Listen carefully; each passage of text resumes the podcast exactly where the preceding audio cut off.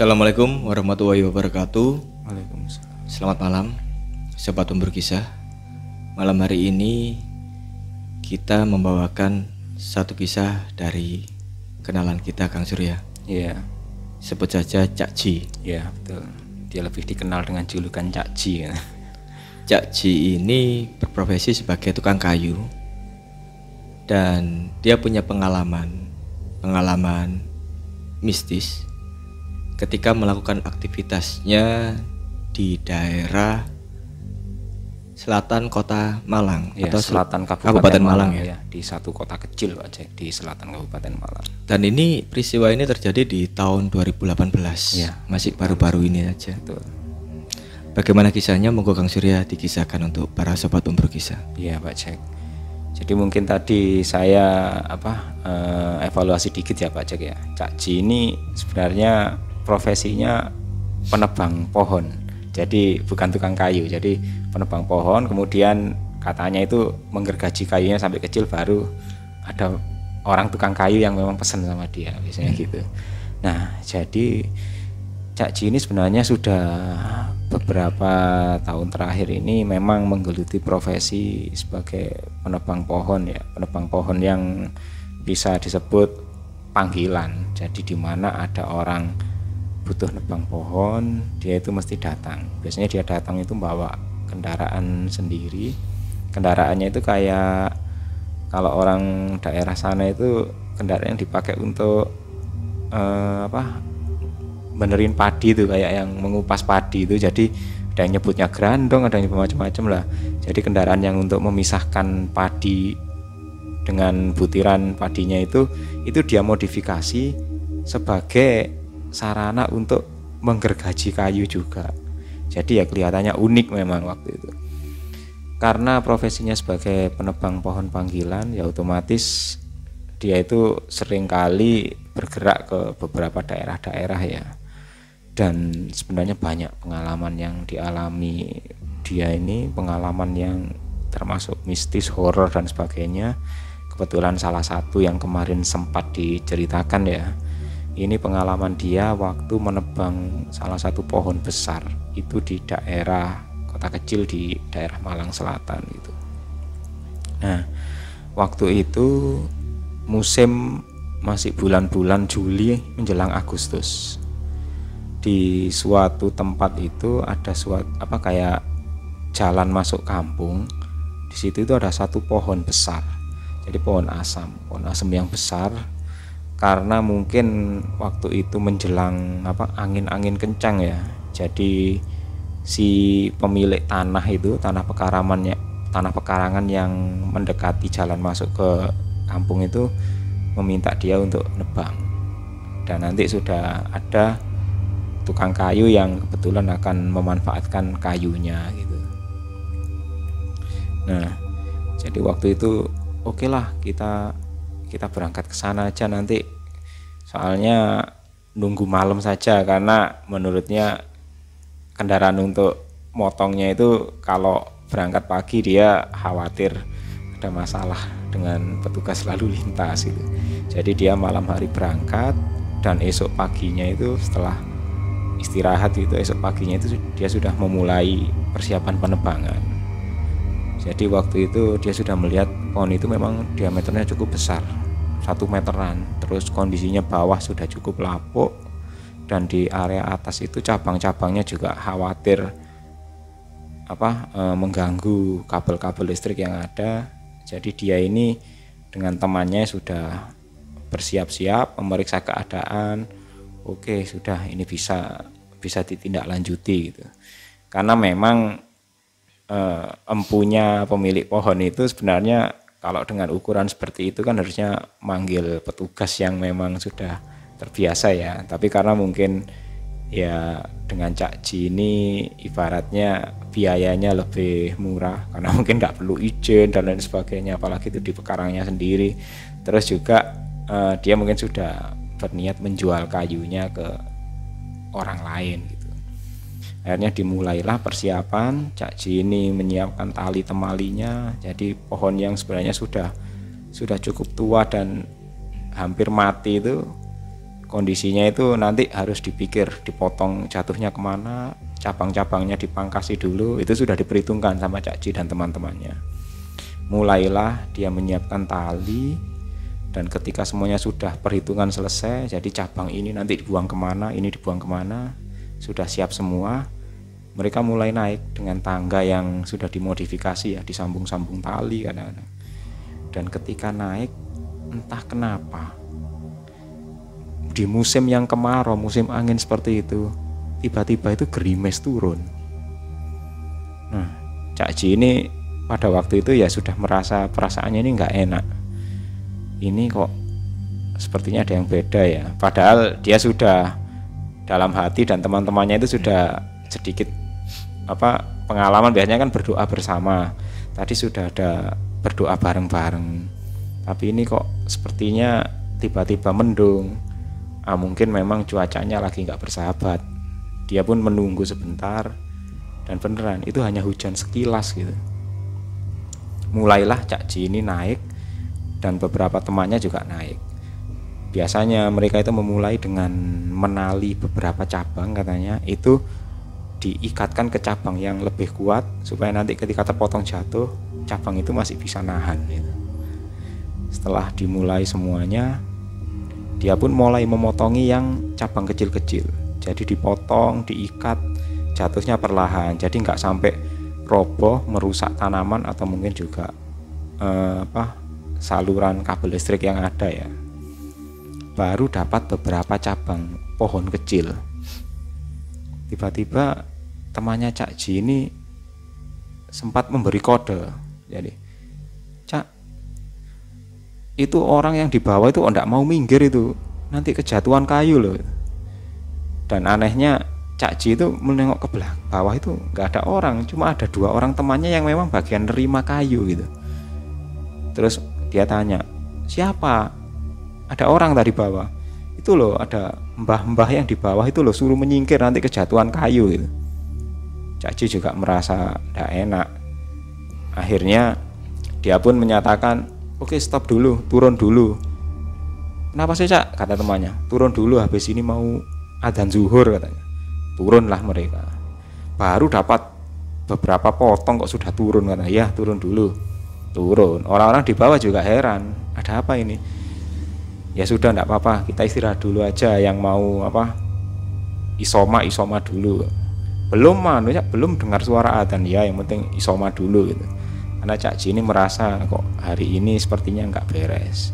Setelah mereka istirahat sebentar ditanya temannya tadi itu apa yang kamu lihat? Ada anu laki-laki tua itu di bawah. Dia itu kok ngeliatin kita terus laki-laki tua yang kayak gimana ciri-cirinya? Loh dia itu sudah tadi. Mulai tadi itu waktu kita mulai cabang pertama motong dia itu sudah ada di bawah nengokin kita. Tak pikir warga sini yang lihat aktivitas kita. Tapi kok anak-anak kok yang lain kok nggak ngelihat gitu loh. Pak Caci bilang jangankan anak-anak lain aku sendiri aja nggak tahu gitu. Akhirnya si, si temannya ini agak bingung juga. Sudah jangan dipikirin. Kamu di bawah aja wes gantian yang motong nanti biar yang satunya gitu. Akhirnya Cak Ji sama temannya yang satunya naik lagi. Karena Cak Ji ini nggak nggak bisa nggak berani kalau motong sendirian di atas. Karena kan orangnya sebenarnya tubuhnya kan gendut ya. Jadi memang dia butuh teman lain yang bagian motong di area-area yang agak sulit. Sementara dia sendiri itu yang ngontrol jatuhnya pohon gitu. Setelah naik ke atas itu sudah menjelang siang ya. Ya emang orang yang katanya orang tua tadi yang di bawah tadi sudah nggak nggak kelihatan. Mulailah mereka motong lagi. Batang pohon itu dipotong sesuai perhitungan. Batang yang diameternya kira-kira 30 cm 20 cm 30 cm itu nanti akan jatuhnya mengayun langsung ke bawah. Jadi sudah aman gitu.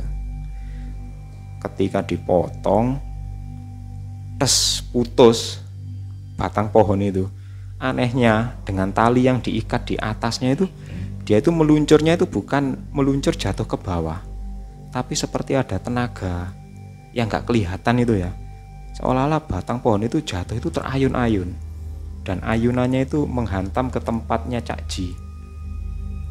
Dan untungnya Cak Ji itu beberapa detik sebelum pohon itu terpotong dia itu seperti melihat ada itu apa kayak mungkin teman-teman di sini itu ngelihat semacam biasanya di pohon kan ada kayak cicak yang ada sayapnya itu Pak Jack ya. Jadi kalau orang Jawa Timur bilangnya kelarap atau apa gitu. Dia itu melihat ada binatang itu merambat di kakinya. Karena Cak Ji merasa kaget atau jijik dia itu memutar tubuhnya berada di balik batang pohon utama.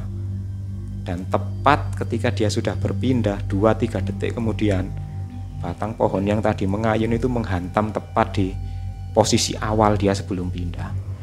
Duar, pohon pun bergoncang, bergetar dan batang itu meluncur ke bawah menimbulkan suara bertepuk yang keras. Semua krunya Cak Ju itu menjerit semua, berteriak, Cak, gak apa-apa, Cak, gak apa-apa, tak, gak apa-apa.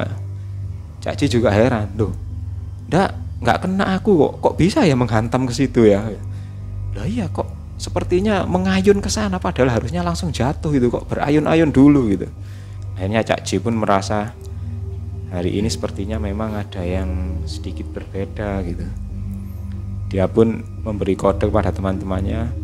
Sekarang anu aja kita potongin yang kecil-kecil dulu aja biar aman kayaknya ada yang nggak beres mungkin harus kita lanjut besok katanya gitu kenapa cak nggak apa-apa ini kok. Sepertinya tadi itu hampir kena aku ya. Mungkin aku salah perhitungan nali. Jadi ngatur tali-talinya mungkin salah perhitungan. Nantilah kita pulang dulu nanti tak perhitungkan lagi tali-talinya seperti apa biar besok batang utama ini bisa beres gitu. Ya sudah akhirnya karena pohon itu sebenarnya sudah sebagian itu sudah di apa dipotongi ya hanya tinggal sedikit saja. Mereka pun menyudahi kegiatan hari itu dan semua tali temali yang tadi sudah disiapkan dilepas ulang sama Cak Ji dan krunya sampai melepas ulang itu ya butuh waktu lama juga sama seperti tadi waktu masang. Sampai hari menjelang sore terlepas semua. Mereka nggak ada kegiatan hari itu. Mereka hanya mengumpulkan kayu-kayu yang ada dipotongi di atas mesin sampai benar-benar sesuai ukuran yang diinginkan baru mereka pulang. Malam harinya ini katanya Cak Ji itu sempat uh, apa ya kayak menelpon salah satu saudaranya atau mungkin entah teman atau family ya katanya yang sedikit banyak.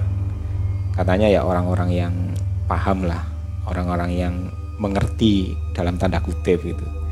Ya dia minta dilihatkan sebenarnya ada apa sih hari ini? Aku kerja ini kok sepertinya nggak beres terus dan dalam tanda kutip itu hampir celaka terus gitu. Ya, akhirnya sama orang itu diberi kayak semacam uh, beberapa syarat gitu ya. Gini aja besok kalau mulai kerjaan itu pertama kamu siapkan ya ada beberapa barang yang Caci sendiri waktu itu apa ndak ndak mau menyebutkan ya itu kamu siapkan terus kamu taruh di tempat seperti ini terus satu hal lagi kamu temui orang yang punya rumah dia kamu suruh juga untuk apa memberikan ini di area pekarangannya gitu. Jadi akhirnya malam itu Cak Jim menyiapkan apa yang disarankan itu familinya dan esok paginya dia berangkat lagi bersama dengan teman-temannya krunya itu. Kemudian ya melakukan ritual seperti yang disarankan gitu barulah kemudian memotong lagi. Dan waktu motong pohon itu ya semuanya lancar-lancar aja Pak Cek. Sampai akhirnya semua terpotong selesai menjelang sore selesai. Akhirnya ya sesuai kesepakatan Cak Ji kan diminta motong semua kayunya.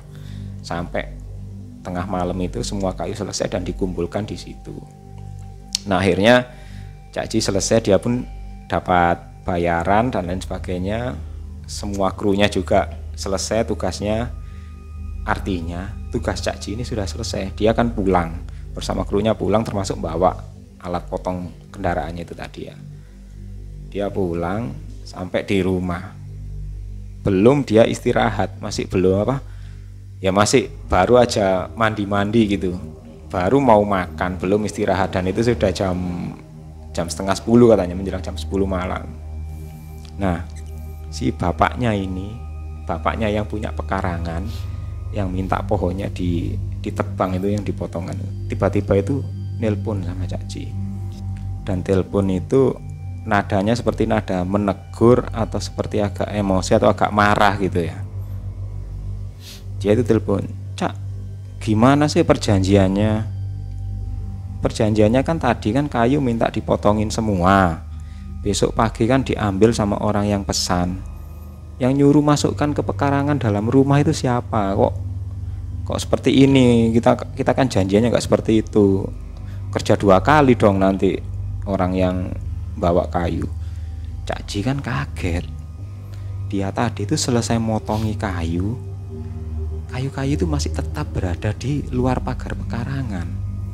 Nah ini katanya kok masuk di dalam pekarangan Cak Ji juga heran lagi pula gimana bisa masukkan kayu wong? Pekarangannya itu ada pagar bambunya.